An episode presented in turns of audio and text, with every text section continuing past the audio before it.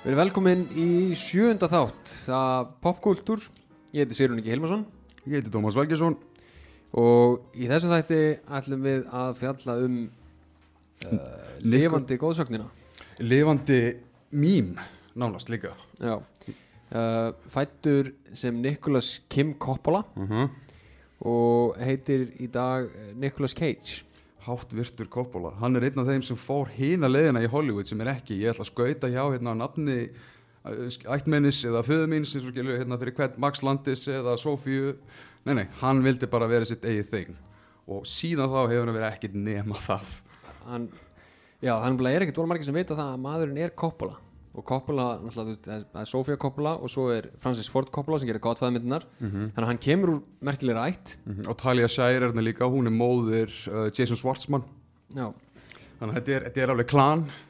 En hann eins og segir ákvað að fara að bókstala sín eigin leið og er uh, hvað ættum maður að kalla hann brautrið þetta eiginlega? Sko, já, þetta, þetta er maður sem hefur bókstala sagt að hann er að í rauninni þróa leikstíl sem hefur aldrei sést áður. Og hann hefur margsinnis verið kvótar í að segja að hann vill ekki uh, miðlungs svona vanilu viðbrögð.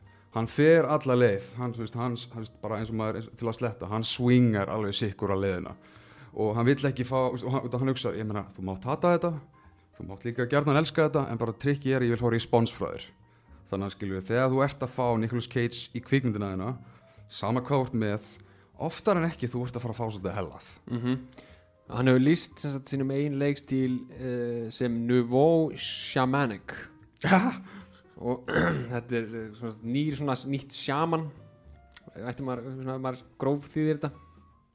Og hefur oft sagt að á tímapunkti þá ætlar hann að skrifa bók um sem sagt, leikstílin sin ok, ég vissi þetta ekki ekki ekki uh, að þetta er ákveðin, ákveðin hérna, leikstíl sem hann uh, hefur líst með sem sagt, svona, þýskum expressionisma guð. Og vestrænu kabuki sem ég veit reyndar ekki hvað ég er veit hvað það er, er þetta, já Kabu- Kabuki Theater, sem er basically bara larger than life nánast, hann vil bara vera yfirdrifin Já, og vera svona, hvað segir maður, leikra neða svona þjattrikal, ótrúlega veist, í rauninni væri þetta fullkomin maður fyrir, fyrir hérna, leik, leikhús svona, leikhúsverk en, en þú veist, eins og hérna, klassíski Funny or Die sketchin segir I just like doing movies. Já, það er nefnilega rétt að vera að að þegar þú ert að horfa hann í bíómyndum þá er oft eins og hann ætti frekar að vera á sviði.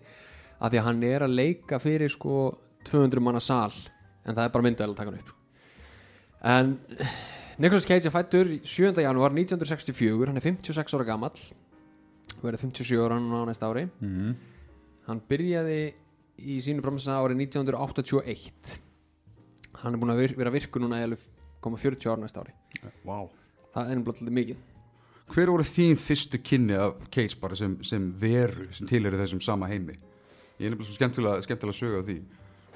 Sko það er, erfitt að pinpointa hvar maður einhvern veginn svona upplifir Cage í fyrst skipti. Af því að hann hefur verið í svo mörgu mismunandi dóti en einhvern veginn þú mannsamt alltaf eftir honum. En ég held að, að mín fyrstu kynni af, af hérna Cage hafi verið The Rock. Já, sama hér. Þa, það er svona myndin sem að sem að ég sá í fyrst skipti sem hann var í svona stóru hlutverki. Já, uh, hann er náttúrulega samt sem aðra svona smá tónaði niður í þeirri mynd. Ég- nefnilega. En, en það er maður svona ok, þetta er góður leikari. Hann er að leika við hlýna Sean Connery og þeir eru báðir flottir í sinni mynd, náttúrulega rock ekki ekki mynd Spá, spáði vera tónað niður í Michael Bay mynd. Nákvæmlega, af öllum leikstjórum sko, það sem að hann væri einhvern veginn over the top þá er hann bara frekar rólegur en ég meina Michael Bay er alltaf frekar rólegur í sinni mynd líka. En var, hann var að tempra sig. Já, klálega en ég held að fyrstu svona kynni mín af af svona medium out there Cage, það hafi verið National Treasures. Að því að þú veist, ég er náttúrulega er ekki uh, veist, ég er ekki alast upp á þeim tíma það sem að Cage er að missa sig sko þannig að þú veist, meira svona ég er að sjá myndirnar þar sem hann er meira svona family man. Já, og það er, þannig að það er ekki fyrir setna sem ég kannski horfi á en sástu Family Man? Hann leik í mynd sem getur Family Man eftir Brett Ratner. Ég reynda að sá ekki myndina family man frá sambarileg tímabili meiri segja. Ok, en, en eftir það þá svona þú veist náttúrulega upplifum maður og sér alveg þú veist því hann verður svo mikið með internetinu verður hann alltaf svo miklu meira já, já. en hann var nokkuð tíman sko og þá náttúrulega byrjum maður að horfa myndir eins og Face Off og, og, hérna, og aðra slíkara sem hann er gjössamlega áttir. Ég held að sennilega þekkt þess að dæmi frá svona fyrri tíð case hafi verið uh, Vampire's Kiss. Og það er örugglega mynd sem er bara búin að vera í YouTube eða svona superklift og mýmuð í drasl.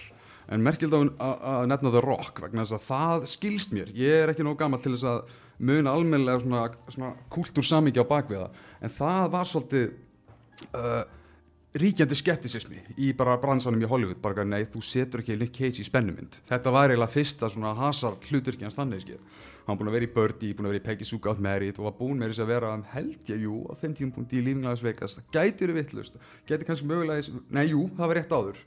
Sem búin að vinna Oscar, en hann var samt alltaf síðar sem bara, þetta er bara niche stór fyrirlega gáti hann gæi ég ólst upp náttúrulega svolítið, að The Rock kemur á húnum fullkomna tíma á mínu æfiskeiði þar sem ég bara, veist, þetta er líka eina fyrstu svona stránglega bönnuðu myndunum sem ég bara datt inn í og bara, oh my god, þetta er fyrir mig. Og mín kynni af Cage var bara þetta er bara, þetta er hasastjarna. Það er ekkert, er er að skafa af því. Og svo hvað gerir svo, árið setna kemur Con Air, árið eftir það kemur Face Off og hann meiri sér að leki þessu myndu bara trekki, trekki, trekk, líku við með bara vikna millibili, milli taka. Já, Face Off og Con er komið með þess að sama árið sko, 97 Mhm. og ég, ég sá, ég upplifa hann á þeim tíma sem bara one man franchise og uh, meiri sér að ef ég tek það lengra og ég að einhver leiti uh, álítið þetta smá, smá svona í dag að Rock, Conner og Face Off eru svona eins og óformlegur þríleikur. Já, og ég var alltaf bara ok, þetta er bara þessi maður taknum gæði og þannig að það var miklu meiri hægur bruni eins og ég upplifa það að, að svona ó, byrju hvað hann að gera þarna? Og best að kíkja á hérna, Living Las Vegas. Best að kíkja á Birdie og Vampire's Kiss sérstaklega og ó, hann er svona, æ, hvað er þetta að gera? Ó, hitt er frávikið ok, hérna en, þú veist en er eitthvað annað hægt í dag en að alast upp við það sem bara, hann er bara veraldar nöttari þú veist, þeir sem er að komast inn í kvikmyndir í dag náttúrulega, þú veist, það er bara það er ákveðin, maður að segja þetta er ákveðin viksla að bara sjá hvernig hann er í Wickerman hvað Já. sem er í YouTube eða í myndinni sjálfri og það er alveg mynd sem að stóðum sér hræðileg að maður ætti að horfa á hana í heilsinni sko, bara 100%. til að sjá hann gjössalega missa sig en var hann það yfirdrifin í National Treasure? Ég man að hann var það í nummer tvö Já, það er eiginlega eitt og tvö sem að ég sem hana, í fyrstu myndin, ég er nýbúin að horfa þær báðar mm. og hann er ekkert svona yfirdrifin en hann, hann var það ekki tvö sem hann slæta niður stigan og setur á sig asnalega breskarreim mér var mér eitthvað svo rosalega stört í það. Maður eitthvað auður einhverjum, einhverjum öryggisverði. Jú, jú, jú, jú, jú, jú, jú, að því að hann er að búa til hérna, hann er að fá alla aðteklina á sig því Aha. að þau eru að brjóðast inn og hann þykist vera drukkinn og er í einhverjum rosalegum breskum hreim. En málega er að í þeim myndum þá náttúrulega er hann svona meira að lína inn í gæjan sem að er eiginlega búin að missa allt. Já, þannig að hann er tilbúin til að gera hvað sem er til að, til að hérna, afsanna það að fjölskyldan hans sé þú veist þessi glæpmenn sem við erum að tala um og hann er svona milli þess að fara full crazy og vera þú veist venjulegu gæi finnst mér alltaf. Já og heila svolítið með þessum myndum var hann líka svona að dífa tónni aftur inn í svona stærri við talaðum með family man dæmið svona mainstreamið vegna þess að uh, nú veit ég ekki alveg hvernig svona píramidin á þessu hefur virkað en hann, mér skilst að hann hafi verið í bara butlandi fjárhagskrísu einhvern tíman eftir aldamótin sem þú veist, setna með leiti til þess að hann fór bara, hérna, hann tók bara við öllu. Þetta gæti hafi verið kannski eitthvað- svona upphafa að því en eða eða hvort hann er bara að teka við öllu og bara teka hverju einhvern veginn sem er. En þú veist, hann hefur bæði, hann- er þessi furðulegi milli við milli þess að vera Hollywood stjárna, þú veist, margir tengja viðskiljum, hann var í al, hann var að fronta blockbuster, hvort það heita National Treasure, Ghost Rider, jafnvel tvær meiri segja og allt þetta, en svo einmitt er bara þetta eiga ráðan, er hann svolítið wildcard? Og þú veist, ef þú afhendur hann handrit, ert að fara að fá þú veist, ert að fara með handrit til hans með því til, með, með það að markmiði að, að koma, heyrðu, settu þitt spinn á þetta. Eða ert að fara að vera bara, ok, hann er ekki að fara að gera það sem stendur þarna. Nei, að mér þú bara, þú þú réttir um þetta og þú bara vonar að besta sko. en ef við förum aðeins yfir bara ferilans frá byrjun og reykjum aðeins sem þú veist sem að cageisma sem að internetið gaf þessu svo fallegt orð ca- cageism mm. að eins og segir, þá byrjar hann í myndum hérna eins og þú veist Birdie uh, Peggy Sue Got Married, Racing Arizona Ó, hvað hvernig geti glemt henni maður Já, og, og öllum þessum myndum það sem hann er, þú veist að vera alltaf svona over the top, vera sinngæi setja sitt spinn á þetta, sérstaklega líka það sem hann er með Coppola-nafnið já, þarf að forðast þess að vera þekktur sem hérna Nicholas Coppola já og er náttúrulega bara í bransa sem að þú þarft í rauninni að do or die sko. Veist, það er ekki millifur þú annarkvort bara verður frægur eða, eða ekki sko. þannig að eins og með Vampire Kiss það er náttúrulega eins og sagði atrið sem að örugglega allir hafa sér á YouTube sem hann þylur upp allt stafrófið. Já, þannig að A, B, C, D. Það var örugglega allir séð það. Og hann getur, kakkalakka í þeirri mynd á Mm. kameru. Og, og, og mér fyndið þið mynd að lesa kvót í það hann bara eitthvað heili minn og allt í mínu líka maður sagði mig ekki gera þetta. En bara það var eitthvað, eitthvað instinkt sem sagði bara eitthvað, ég ætla að gera þetta. Það, það summa svolítið upp hvernig hann er. Já, að því að líka sko svo að fólk átti sig aðeins á því hvað er mikið á bakvið þennan mann er að í Birdie þá þurfti hann að finna hérna svo mikinn sásuga verandi hérna maður sem var í Vietnamstríðinu að hann fjarlæði tvær tennur úr kjæftinum á sér á þess að nota Davilif uh -huh. og og hérna bara til þess eins að gefa góða framistuð og í annari mynd þá var hann sem sagt búin að vefja andlitið á sér með sárabindum og var með það á sér í fimm vikur. Og þegar hann tók þau af þá var hann komið með húsíkingu út af inngrónum hárum og súrefnisleysi. Já. Þannig að hérna það var uh, þú veist, gæ- gæin er ekkert að grínast. Og í Vampires Kiss sem vorum að tala um þá til dæmis þegar hann átti að leiki ástasinu þá vildi hann leikstjórnum myndi hella yfir tætnar á honum heitu jógúrti. Ég ekki, hvernig hef ég ekki heyrt þetta? Þetta er, þetta er dásamlegt því að hann vildi vera svo spenntur og meðan ástasinu var þannig að með því að hella heitu jógúrti yfir tætnar á honum. Svo marga spurningar, af hverju jógurt, af hverju heitt? En þetta er það sem hann er að gera veist, til að koma sínu á framfæri þú veist, gæin er ekkert bara eitthvað á sér að vera nöttaður og mæti svo sett og fyrir að fokki öllum skilur, hann er bara, hann er virkilega að leggja sér fram. Mm -hmm. hvort það sé, þú veist, aðeins og langt gengið til þess að rífa úr sér tvær tennur á þess að nota deyfilif, deilum það alltaf hann er á því að það hefur verið nöðsynlegt en svo er mitt eftir allt þetta þú veist, hann er orðin þetta nafn, þá er mitt byrjar hann að leika í þú veist, eins og kemur í rock, kemur í face off, Conner. Ekki glemma því, hann var þá innsiglaður hann- þá var hann þá komin með sætið við borðið í Hollywood og hann, hann var ég ætla, ég ætla að leifa mér ekki að lífin Las Vegas að það er 95 minnir það. Ég með þetta fyrir fram mig, ég skal bara og hérna, en allavega rétt fyrir einmitt þessa Jerry Bruckheimer spennumyndasprengju þá var það orðið svona viðkjönt ok, þessi gæi er komin til að vera. Og meðan áður fyrir var hann svona að hver er sitt úti, ok, við erum ekkert að losna við hann ok, hann er uh, eitt sinna tegundar og hefur einhvern veginn merkilega bara í kjölfarið haldið áform að vera nákvæmlega það í svo margvíslegum formum. Ekki bara út af performanceum heldur bara út af persónulega lífin hans út af titlum sem hann velur sem er bara, þetta er þinn furðulegsta rúlletta hérna, þú veist, einhvern veginn, mér finnst valla að vera neitt til í dag sem heitir skilur beint á DFD mynd en áður fyrir var það svolítið svona, þetta var svona mínustimpill. Í dag skilur náttúrulega myndir fara á streymi hægra vinstri eða færa beint í sjónvarpið það er ekki skammarstimpill. En þú finnur samt ennþá í dag Nick Cage myndir sem er bara eitthvað hv- hvað er þetta, undir hvaða teppi er verið að sópa þetta? Já, hvað er hann að gera, basically bara? Já, uh, Living Las Vegas kemur 95 og Rock kemur árið setna Mhm. 96 uh, en það er einmitt kemur þú veist röð af hasamyndum. Já, það kemur Rock, Conner, Face Off Snake Snake Eyes. Eyes 8mm, Gone in 60 Seconds.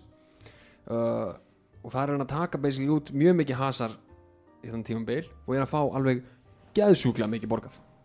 Já, og þú veist, við erum að tala um það á toppið ferðlinans, þarna á cirka bát þessu tímabili, 96 til kannski 2006 þá er hann að fá hérna, um 40 miljonir ári. Já, og það er náttúrulega bara ógeðslega mikill peningur sérstaklega á þeim tíma. Þetta er- mikill peningur í dag en það var meiri peningur þá. Um, en svo byrjar hann alltaf aftur að fara að velja svona og þessi hlutverk.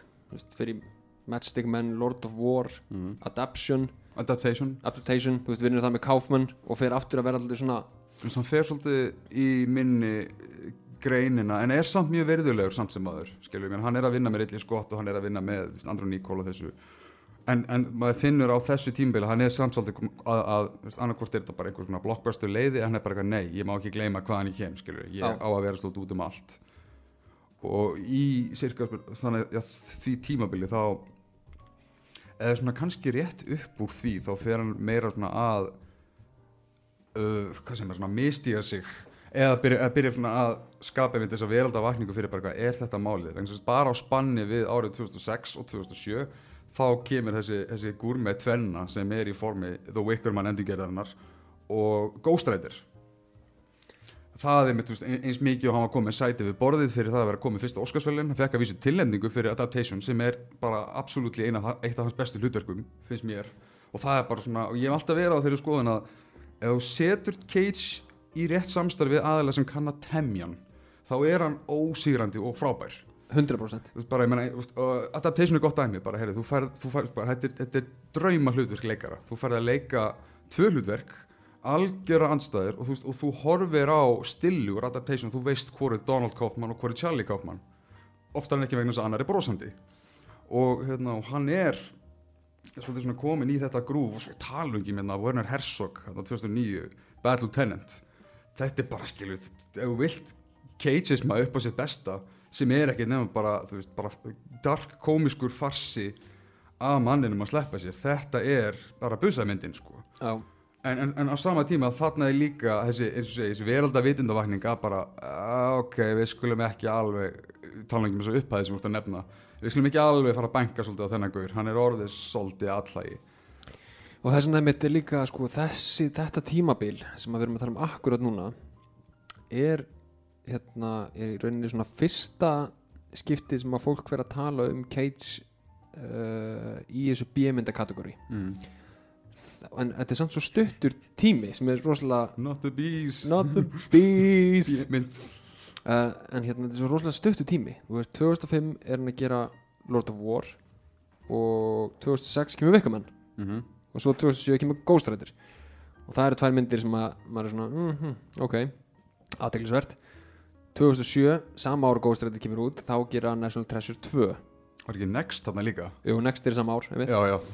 og þá var svona, ok, Nicolas Cage er að gera aðeins meiri svona hasamyndir sem hann er bara að fá borga fyrir Og Next var upphafið að mjög fyrðulegu auka Cage kategóri trendi sem er hárstílinans. Já, því að já. það er einmitt það sem ég ætla að fara næst það er 2008, það er Bangkok Dangerous Já, já, einmitt, einmitt.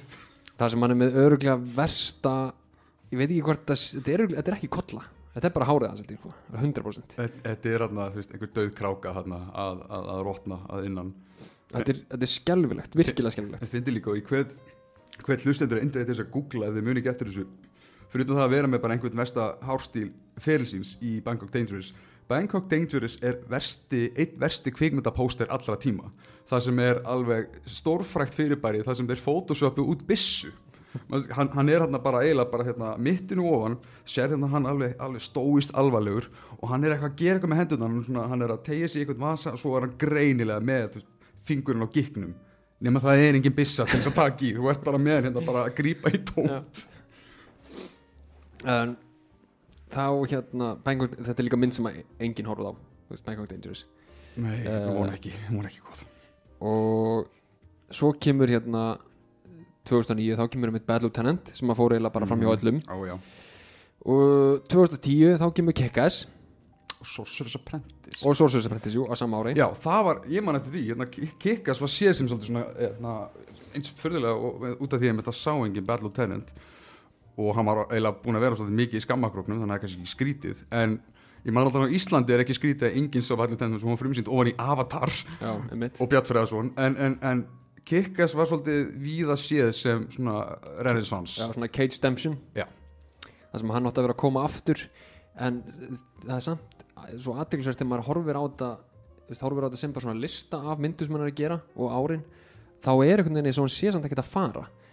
Þú veist, það er negla eftir neglu að inni, þú veist, þannig séð stóra blockbustermyndir en almennt séð frá sjónurotni almennings var bara Nick eiginlega bara farin Já, 100% en ekki glemma því að Kikkas var náttúrulega indímynd já, hún var sjálfstætt framleitt hún, hún enda á því að, að, að, vera stórt þing en það, það, það, það, spilaði 100% inn að sko, stúdíóin eða þegar stúdíóin síndu kikkas áhuga en flestur sögðu bara passvið sem þeir bara nei við viljum ekki 12 ára stelpu vera hérna raðdrepandi glæbóna eða ekki eða bara skilju eða hvað það vera að blóta eins og sjóari en eitt af því sem er líka veist, en ef það hefði komið inn í myndina fyrir stúdíóin og mani hafa lesið einhverjar sögur hérna frá Matthew Vaughn sem hann segir stúdíó vildi Brad Pitt sem Big Daddy að overheitjan sem Cage enda á því að leika og við viljum uh, hafa Hit Girl sest, uh, 17 ára eitthvað svo leiðis en þannig að það var mikil áhætta eða séð sem gífileg áhætta að fá Nick Cage þarna í þetta hlutverk. En svo er svo geggjuð saga á bakvið tjöldin það sem hann náttúrulega kekka sér byggt á myndasögu og þú veist, hann var með handritið, allt er tilbúið og það er ekki fyrir að tökur eru að hefjast það sem að Nick Cage tekur bara ákvörðun sem leikari. Ég ætla að segja mína línur sem byggdi þetta í eins og ég sé Adam West Batman. Enginn vissi af þessu og Matthew Vaughn hefur talað um þetta í kommentarinu og bara svona að fólk var svona að gefa honum augnaráð bara ætla einhver að segja eitthvað? Er þetta, er þetta málið? Er einhver að temja hennar mann? Og Matthew Vaughn var bara, heyrðu þetta er myndum það að taka áhættur þannig að við, við leiðum þessu bara að vera. Ég, ég er til í þetta en þetta er bara, þetta sumar svo vel upp með að mann er bara eitthvað, herri ég sé þetta svona. Ég ger þetta svona. Nákvæmlega, það er ekki stöða mig, ég ætla bara að gera þetta. En ég meina, in retrospect, þetta var ein af, eitt af eftirminnilegur framistuðum hans og hérna Já, 100% uh, En svo náttúrulega sama ár kemur Sorcerer's Apprentice þar sem hann fær að vera þú veist, bara svona fullnöttari Það var komin á Disney samningin aftur. Já, árið setna kemur svo koma hellingamyndum en, en svo sem stendur mest upp, á, upp úr er hérna Drive Angry Já. sem var líka svona Cageism mynd. Já, samt, samt ekki nóg, ég man hvað ég var sérstaklega vonsvikið með hana. Þú veist, nei, Cage var sjálfur upstagear af William Fichtner í hlutur ekki djöfulsins. Já, reyndar. Veist, þau ert með exploitation BC mynda óð og Nick Cage er ekki að þú veist, hann er ekki í 11. gýr bókstælega, þetta er, þetta er car fetish mynd sko, þá hérna, eitthvað er svona ekki alveg að ganga, þetta er svipað með Social Apprentice þetta er, er brúkað með Disney huge budget mynd sem er byggð á hérna, stuttsögunni úr fantasíu. Þannig að. Mickey Mouse tekur kústana. Nákvæmlega. Og, veist, og hvað, ertu með, hvað ertu að gera með Nick Cage? Þú setja hann í hlutverk galdrakarls. Og hann, hann er alveg hress en þú veist, þú vilt þú vilt, þú, þú borgar þig fyrir Cage. Þú vilt fá Cage, skilur, þú vilt ekki Jay Baruchel að, að tauta exposition. Þannig að þú veist, hann er ennþá svona Kikas var ekki alveg að gefa honum þetta boost við erum komin í sérst í 2011 dræfa engri og hvað 2011 já, uh, 2012 kemur svo Ghost Rider 2 mm. og þar eru gæjarnir sem að leikstýrðu krank Crank. Þeir gera þá mynd og Idris Elba leikur í henni líka. Þeir, þeir, sem að hafa séðan að muna bara eftir Cage í myndinni því að hann á þá mynd. Aha. og, og hún er alveg skemmtileg sko. Já, líka þar ertu með lókíkina með að, með að temja mannin en, veist, en tamningin lýsir sér þannig að það er er ekkit verið að temja hann. Þú veist með gæðina sem gerði þú veist Crank Gamer og Crank 2 sem er náttúrulega bara einhver mest bara fokkit mynd allar tíma. Þetta mynd sem bókstælega endar á ramma af Jason Statham að gefa áhörðum miðfingurinn. Þannig að þeir voru greinlega bara heyrðu, við erum nöttarar og, og þeir hafa sagt sjálfur í hérna, vitunum, ég manni hlust og annað þeirra í hérna, How Did This Get Made þættinum það sem að annar leikstunum var að tala um bara, við vorum bara fullir alla daga, við sáum alla við vorum bara að gera okkar þing og hérna, við vildum bara hafa Cage í sínu Cageasta en þar kemur líka annað dæmi það sem að hann tók ákvörðun út af því að fólk sem að mann eftir fyrstu góðstætti myndinni sem er reyndar kannski ólíklegt hún, hún, hún er hræðileg en Nick Cage er náttúrulega að leika aðalhetjuna Johnny Blaze sem að skilur þegar, þegar aðstæður kalla á það þá breytist hann í góðstættir og það kviknar í hauskúpun hans. Í orginalmyndinni er bara, þú veist, bara með eitthvað stöndgæja og svo náttúrulega bara þú veist, bætir við tölubrellum og þá var hann komið með flaming hauskúpuna. Nick Cage greinilega hérna, nálgaðist leikstjórnuna og segir á einhverju tímpunkti mér þætti væntum að fá að vera loðandi gæinn. Og þú veist ok, þú þarft þess ekki en ég menna ef það hjálpar þér í karakter, ekkert mál. Og það eru til klippur og við minn góðu hvað ég vildi óska þess. Einhvern tíminn er ég gefin út svona ráklippu útgáfa af Ghost Rider Spirit of Vengeance vegna þess að ég er ekki að grínast. Við erum að tala um sko, hann er meikaður eins og hann sé bara í Halloween gerfi það er ekki búin að mála á vissir ekki af þessu? Nei, Guð með góður, sko, það er bara búið að mála á hann hauskúpu og hann er með einhver svona punkta þar sem að þú veist, en að animatornir koma bara eitthvað, ok, hér bara kveiki við hann en, og fólk getur tekið sérstaklega eftir að bara svona bodybuildið hans og posturið hans er allt öðru sér frá 1 og 2 þegar hann er í búningu, þú finnur alveg þetta er ekkert eitthvað, veist, massa Hollywood hérna, Chris Hemsworth típa af leikara sem er þetta er bara eitthvað svona frekar svona lítill bara svona venjulegu maður og, það er kviknað í, í, í hausnum á honum. En já, en hann heimtaði sérst að fá að vera Ghost Riderinn þegar Ghost Riderinn fer á stjá og þetta er alveg af crazy og furðulega hlutinir í myndinni. Það sem að þú veist, hann er bara að gera sviprið og er að öskra á gæja sem að eru öruglega rempast við að reyna ekki að hlæja í meiri tökku það er líka hérna atrið sem að ég náttúrulega man eiginlega mest eftir úr Rider 2 er þegar hann er að breytast yfir í Já, það er, veist, það er svona eins og þessi GoPro myndavel á stýrinu á, á já. og hann byrjar svona að hlæja og öskra í myndavelina og hægt og hann og hann en, það er líka, þú veist Kate sem er Ghost Rider tattoo, sko. Ég veit það, já, já. Veist, hann elskar Ghost Rider og það er náttúrulega ástæðan fyrir því að hann tók fyrstu myndina því að hann vill, hann vill vera Ghost Rider Hann elskar myndasugur, punktur. Já, Hann elskar, það er öruglega eitt af því fyrir þannig að segja já við öllu þá, minna hann náttúrulega seglast að kikkas 110 en svo hlupum við stórt tímabilrendar sem er mjög merkilegt að taka fram. Milli, jú, það var milli, ætla ég giska af, milli hérna Face Off og Snake Eyes og þetta. Sem basically í kringum svona 96-7 þá var hann náttúrulega ráðinn sem Superman. Já, hann er einn mest í Superman aðdándi heims. Þetta var drauma hluturki hans. Tim Burton átt að leikstýra. Upphæðlega var þetta handrið frá Kevin Smith svo var því breytt, Nicolas Cage er ráðinn.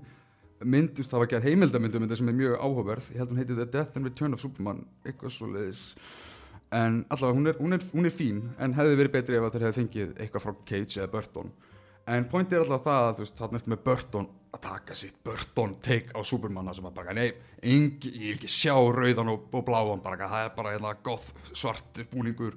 Og ekki nóg með það eins og margar frægar uh, behind the scenes myndir hafa gefið til kynna, þú veist, hann er með Tim Burton klippinguna, já, hann er með síðahárið svona, svona tættan luppa og af hverju endið við aldrei á því að sjá það? Já, uh, Warner hérna, sest, þeir tóku verkefnum sambandi út af því að einhver hluta vegna voru þeir, heyrðu, og Robin þetta er ekkert að virka, Hva, hvað gerðist? Vi, við, við vorum á róli. Já, ok, við meðum ekki missa þennan penning líka. Ég held að sko, eins leðilegt að það var þá held ég að það hefði verið tölvöld betri ákvörðun en að gefa þessa mynd út með það sem maður sá svona behind the scenes bara fyrir Warner Brothers er að segja. Mm -hmm. en hérna, en svo kemur í rauninni að kaplanum þú veist, af hverju er Nicolas Cage í dag að taka öll hlutverk sem hann mögulega hérna, finnur? Já, meira svo heldur en eðlilegt þykir. Já, og þá í rauninni förum við aftur að því að, að hann fekk greiddar þarna á tímabili um 40 miljónir dólar á ári mm -hmm. sem er náttúrulega ógeðslega mikill peningur. Og, og það veit enginn hvað hann á að gera við það mikinn pening en hérna Nicolas, kaupa kastala í Skotlandi. Já, Nicolas Cage vissi nákvæmlega hvað hann ætlaði að gera við þennan pening og, hann var með, með mjög nelt plan um allt sem hann ætlaði að gera. Og eitthvað leiti til þess í, í hans persónulega lífi að honum langaði til að eignast eins mikið af drastli og húsum og bílum og öllu sem hann gætt mögulega komið hendina sína í. Þannig að í ára 2014 til dæmis þá var hann uh, að fá ennþá, eða 2009 var hann að fá 40 miljónar dollara. 2010, nei sorry 2014 oh, ártalega vitlega sæðina þá var hann komin á þann stað að þetta eru bara 5 ára milli. Þannig að ég segja þetta aftur 2009 er hann að fá 40 miljónar dollara 2014 þá var hann dottinn út af Forbes listanum já. fyrir top 10 highest paid actors. Mm -hmm. þannig að þetta eru bara 5 ár þar sem hann fer frá því að græða ógeðslega mikið pening í að græða ekki, já, ógeðslega mikið pening. Á þeim tíma er hann líka búinn að kaupa sér til dæmis uh, 40 hvað, hektara eigu í Bahamas. Uh, stóri draumurinn maður. Já, stóri stóri draumurinn. Hann er búinn að kaupa sér kastala sem heitir Schloss Neidstein í Oberpfalz í Þískalandi uh, hann er búinn að kaupa hérna eitthvað risastórt hús eða svona, meira bara svona manor hús, svona gamaldags manor uh, sem að hétt Grey Craig það er 2200 fermetrar það heimili á með 12 setnherbyggi 10 baðherbyggi og horfði yfir Allandshafið uh, hann var búinn að kaupa í Rhode Island einhverja risastóra eign sem að hann hérna sem að dýrasta eign sem hefur noktið verið keift í Rhode Island. Og hann var komið með 12 Rolls Royce bíla. Hann var komið með sko risastórt myndasögursap og, og fleiri fleiri hluti. Uh, og hvað gerist náttúrulega þegar átt svona mikið af fastegnum þú þarfst að fara að borga skatta þeim Aha. og þannig að það að hérna 2000 og hvað, þetta er um svona 2008 10 kannski. Þá fyrir skatturinn að banka upp á Mm -hmm. og segir við hann, heyrðu, þú skuldar hérna 6,2 miljónir í skatt bara fyrir árið 2007 og svo hefur eftir að fara, þú veist, og nefna hinnur upphæðarnar þannig að ég get alveg ímyndað ykkur hvað þetta er ógæslega mikill peningur sem hann skuldar.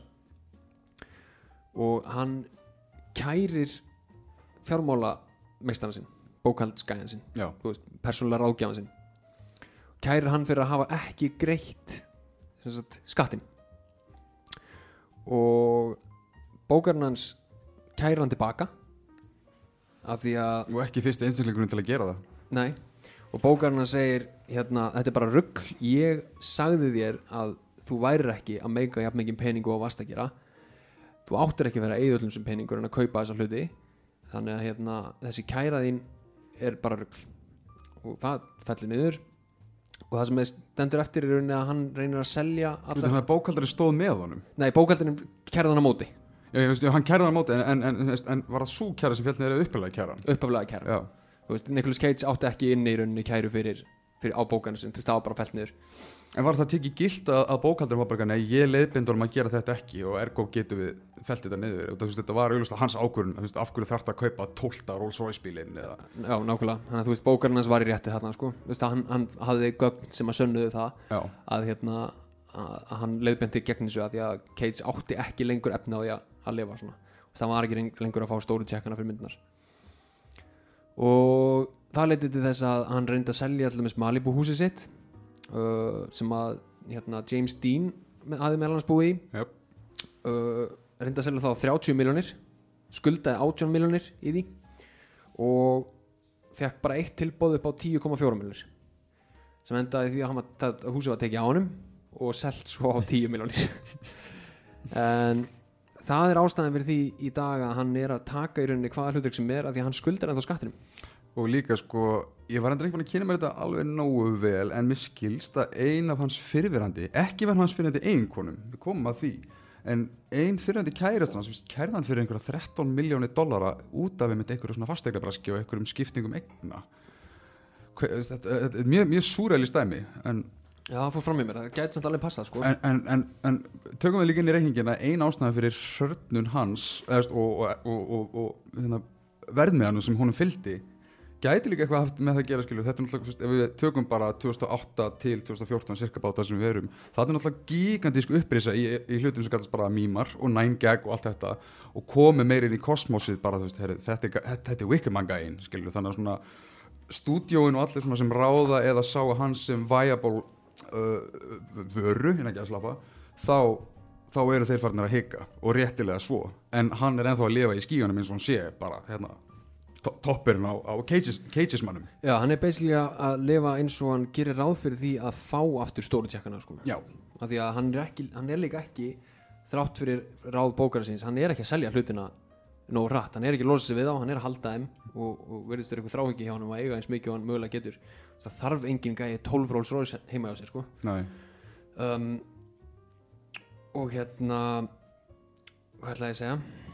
Hann kefti myndasögu um 1996 eða 7 sem var Action Comic 1 sem er fyrsta súmablaði mm já, átti það og seldi það svo til að borga niður skuldir uh, um 2010 eða 2011 og fekk fyrir blaðið 2,4 miljónir dollara sem er náttúrulega ekkert slæmur hagnaður af, því að hann kefti það á 110 úst Nei, en hann tíma. ekki alveg nóg ánægð með það.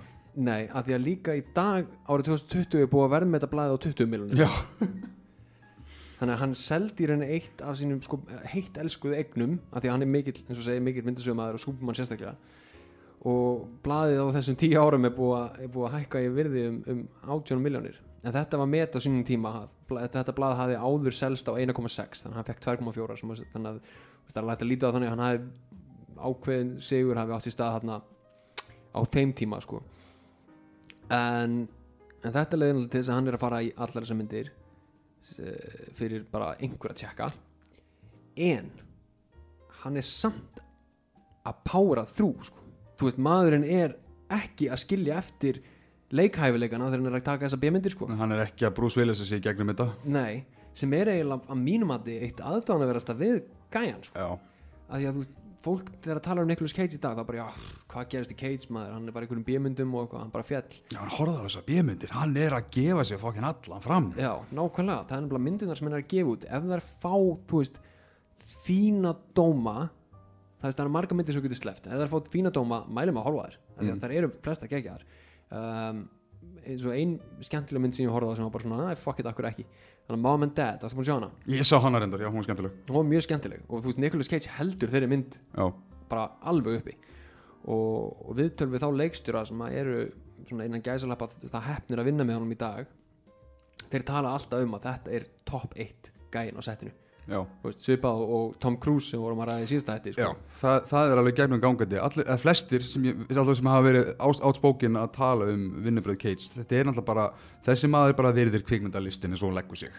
Hann er ekki alltaf til þess að vera dífa Vist, Hann er örgulega erfiður eða furðulegur og, og allur pakkin En hann er samt þarna til að vinna. Hann er þarna til þess að, þú veist e- efla sjálfan sig myndina og hann, svo best sem ég veit hann virðir vinnubröð annara og, og ímislega þannig ég nefndar sko, ef út í það að farið var hann bókaldran ég, veist, ég, ég velti fyrir mig hvort að bókaldran hafi einhvern tímann stungið upp á einhvers konar millileið sem er, heyrðu, þú ert með allt þetta dót þú ert með þetta mannsjón hérna í Rhode Island okkur ekki bara selja og, og við bara búum til na, aðgangin í Nick Cage safnið fyrir Já. hérna myndasögurnar og Rolls Royce-ana og bara, heyrðu, Action Comics hérna í Glerbúri og, en þú veist, en svo er náttúrulega eitt sem að spila líka inn í þú veist, ég velti fyrir mér náttúrulega varandi það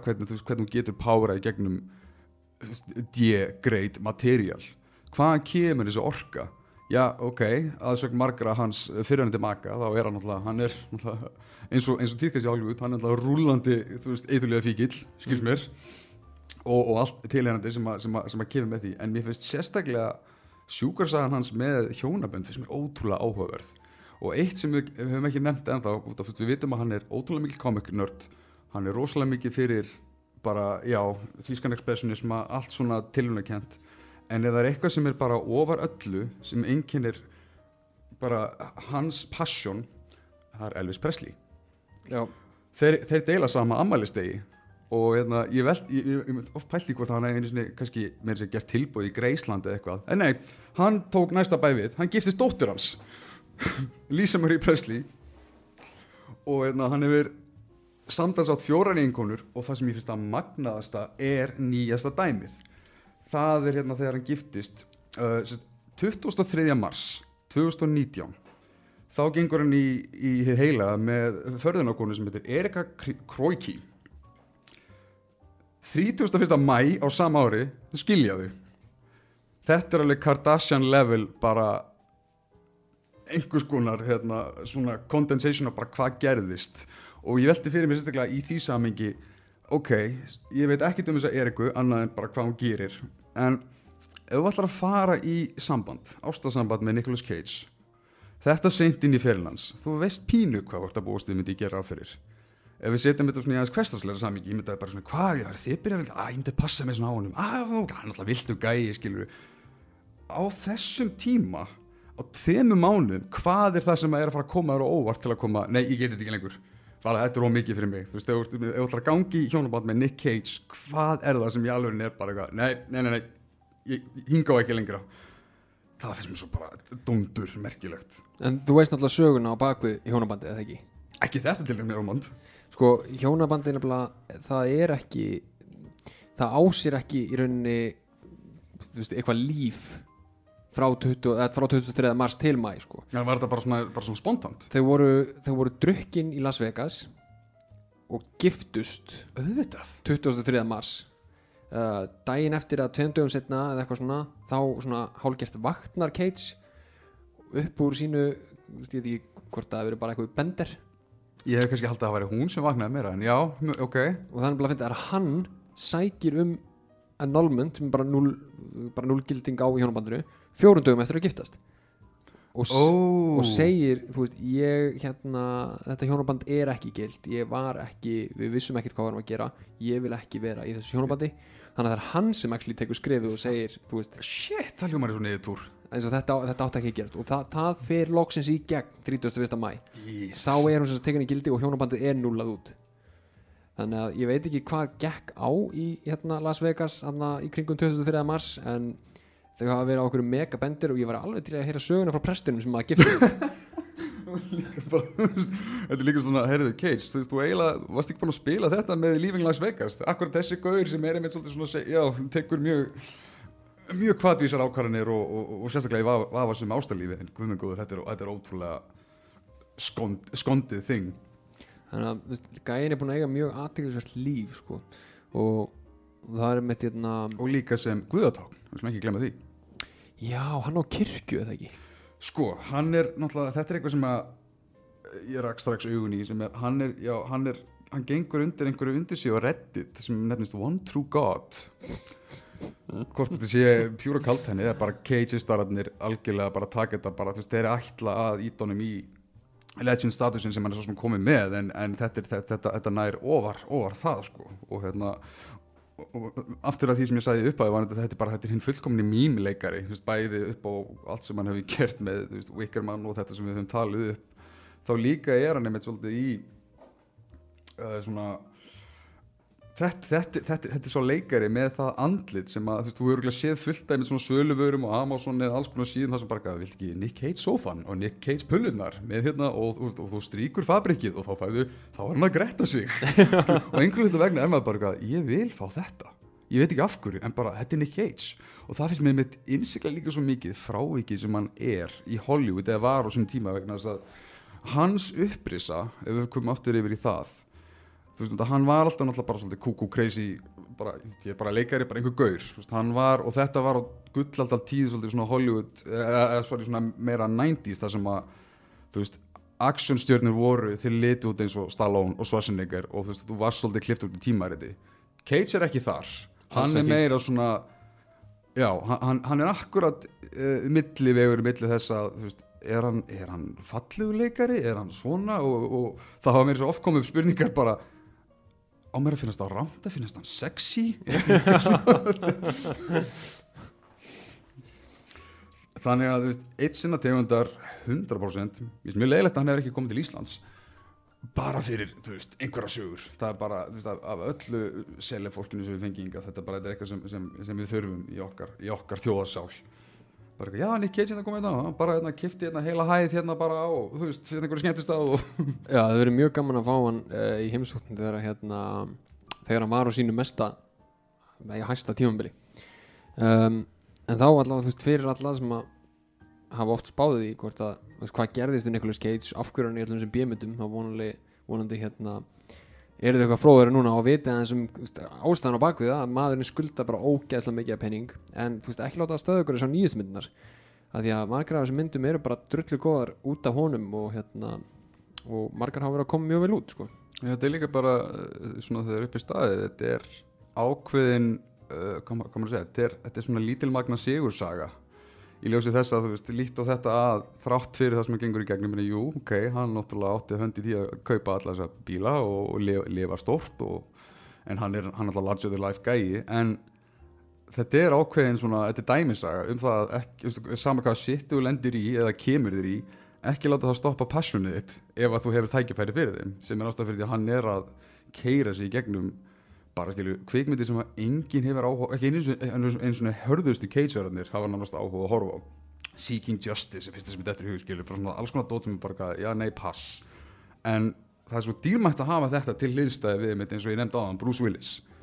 Hann er ekki, hann er alls ekki stjörnu kraftinu sem hann var áður en hann líka ber sig þannig. Já, hann er að mæta í bjömyndunar og hann er að klukka sig inn og klukka sig út og segja bara eitthvað frasa og fólk bara, ah, Bruce Willis! Ég hef ekki séð Bruce Willis vakandi sko, ég veit það ekki meiri hlutin, ég myndi segja svona síðan kannski svona 2005-06 eða eitthvað og það er undantekning, það er algjör undantekning og það er bara eitthvað, ó, ok Bruce Willis er að gera eitthvað, hann hefur áhuga.